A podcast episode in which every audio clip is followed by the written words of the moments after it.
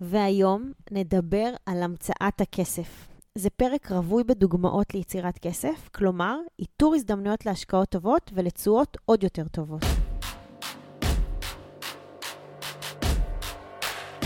ברוכים הבאים למדברים השקעות עם עמית ואגר.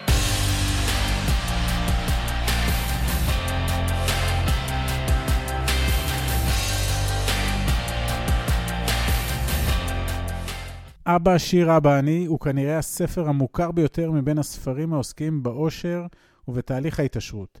המחבר רוברט קיירסקי, איש עסקים אמריקני-יפני, פרסם את המהדורה הראשונה של הספר בשנת 1997. מאז יצאו לאור עשרות מהדורות נוספות בתרגום לשפות רבות. ספר זה ונוספים שקיוסקי חיבר בהמשך היו לרבי מכר בינלאומיים ונמכרו ברחבי העולם בעשרות מיליוני עותקים. אבא שיר, אבא אני הוא סיפורו האישי של קיוסקי, כמי שמעיד על עצמו שגדל עם שני אבות, אביו הביולוגי העני ואביו של חברו הטוב העשיר. אב אחד שחינך אותו בדרך הקלאסית והמוכרת לרובנו, המעודדת הצטיינות בלימודים, רכישת מקצוע והשגת עבודה טובה, ואב אחר שלימד אותו את שפת הכסף, שפת ההשקעות והנכסים, דרך החשיבה של העשירים. דרך הסיפור של קיוסקי מנסה להעביר לקוראים שורה של מסרים שהופכים את הספר הזה למדריך הראשי הקיים היום לניהול כסף ולהצמחת הכסף. ואנחנו, בתפיסת העולם שלנו, שילבנו לא מעט מהעקרונות המופיעים במדריך הזה. סדרת הורים עשירים כוללת את עיקרי הדברים שלמדנו מהספר, עיקרי הכללים והכלים העומדים לרשותו של כל אדם שרוצה ליצור שינוי חיובי בחייו הפיננסיים, כל אדם שרוצה לצמוח. אחרי ארבעה שיעורים שעסקו בשפת הכסף, בסוגי הנכסים וברכיבים של האינטליגנציה הפיננסית, השיעור החמישי מתוך ששת השיעורים של קוואסקי עוסק בהמצאת הכסף.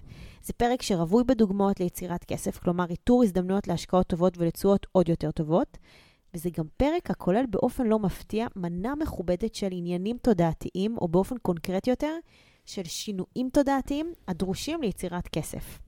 נתחיל בתודעה. לא ניגע כאן בכל ההיבטים של תודעת השפע, אלא בהיבט אחד שקיוסקי נוגע בו בפרק הזה, סוגיית האומץ או התעוזה. הוא מחדד בפרק הזה את תפיסת עולמו, לפיה חוסר ביטחון עצמי הוא הרכיב הראשי שיוצר אותנו בהתקדמות בחיים. הוא מדבר על שני קצוות של מאפיינים הקיימים בכל אדם, הקצה הנועז והמשיג, ולעומתו הקצה החושש והמתחנן. הוא מעיד על עצמו כמי שמעדיף להיות בקצה הראשון, האמיץ. מבחינתו, הרקע להעדפה הזו, כנראה בכל הקשר, אבל בעיקר בהקשר הפיננסי, הוא פשוט למדי ומנוסח היטב. אני מעדיף להתלהב מכך שארוויח מיליונים, מאשר לחשוש שמא לא יקבל העלאה. וכאן בדיוק החיבור ל-IQ הפיננסי, לאינטליגנציה הפיננסית. השילוב שבין אומץ לידע, בין לקיחת הסיכון להבנת הסיכון, השילוב הזה הוא בדיוק הדרך לשגשוג והצלחה. במובן פשוט וחיובי יותר, זוהי הדרך להרחבת האפשרויות הניצבות בפנינו. עולם שבו קצב השינויים רק הולך וגובר, הוא עולם מרתק עם מרחב אפשרויות הולך וגדל. אנחנו רוצים שתהיה לנו האפשרות ליהנות ממנו, ולא להישאר בדרך האחת המסורתית והמוכרת. יש מגוון, יש שפע. האינטליגנציה הפיננסית היא הכלי שבאמצעותו אדם יכול להבחין במגוון ובשפע הזדמנויות, ואולי יותר חשוב מזה, הוא יכול להטיב את הבחירות שלו.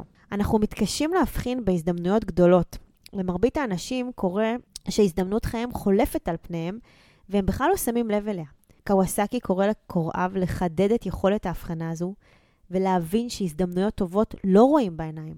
רואים אותן באמצעות המוח. הוא מספר על שורה של הזדמנויות שהוא קלט וניצל, ומשתף במגוון דוגמאות להשקעות שהוא ביצע. אנחנו לא נרחיב עליהן כרגע, אבל כן נתעכב על הסיבות שהוא מונה לבחירה שלו לשתף בהן. בראש ובראשונה ניצב עניינו להפיץ את התפיסה ואת הידע שרכש, לעודד אנשים להרחיב את ידיעותיהם. כמו כן, הוא מעוניין להראות שהאושר הוא מצב אפשרי ונגיש, ושמי שרוצה להיות עשיר ומוכן להשקיע תרתי משמע, יוכל לבחור באחת מבין הדרכים הרבות הקיימות, שגם אינן מורכבות מדי, ולהשיג את המטרה. קיוסקי ממחיש באמצעות מגוון המהלכים שנקט, כיצד כסף קטן יכול להפוך לכסף גדול. זאת באמצעות השילוב שבין תבלין התעוזה לבין ארבעת העקרונות של האינטליגנציה הפיננסית שסיפרנו בפרק הקודם, הידע החשבונאי, היצירתיות, ההשקעה, הבנת השווקים וידיעת החוק. הוא מוסיף ומחדד שככל שהאינטליגנציה הפיננסית שלנו תתפתח, תשתפר גם יכולתנו להבחין בין עסקאות טובות ופחות טובות.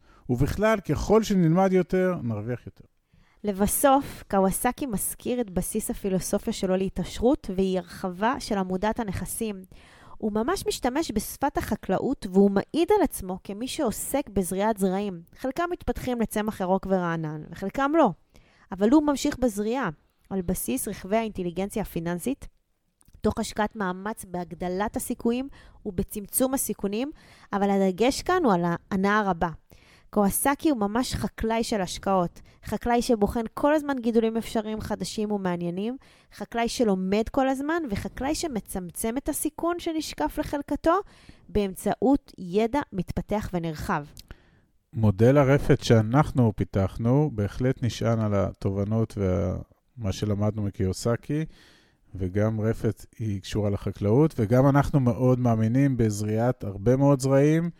בהרבה מקומות, בהרבה הזדמנויות. מטבע הדברים, לא כולם ינבטו, לא כולם ילבלבו, חלקם ימותו, אבל אלה שכן יצליחו אה, לקבל את המים ואת אור השמש ואת המינרלים של הטבע, יהיו בסופו של דבר שדה מאוד גדול או רפת מאוד גדולה, ועל זה מבוסס מודל ההשקעות שלנו.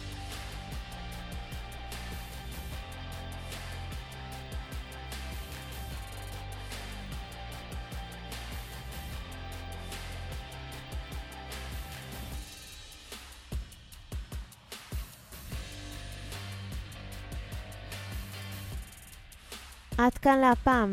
כרגיל, שמחנו לשתף בידע ובניסיון שלנו, מקווים שנתרמתם.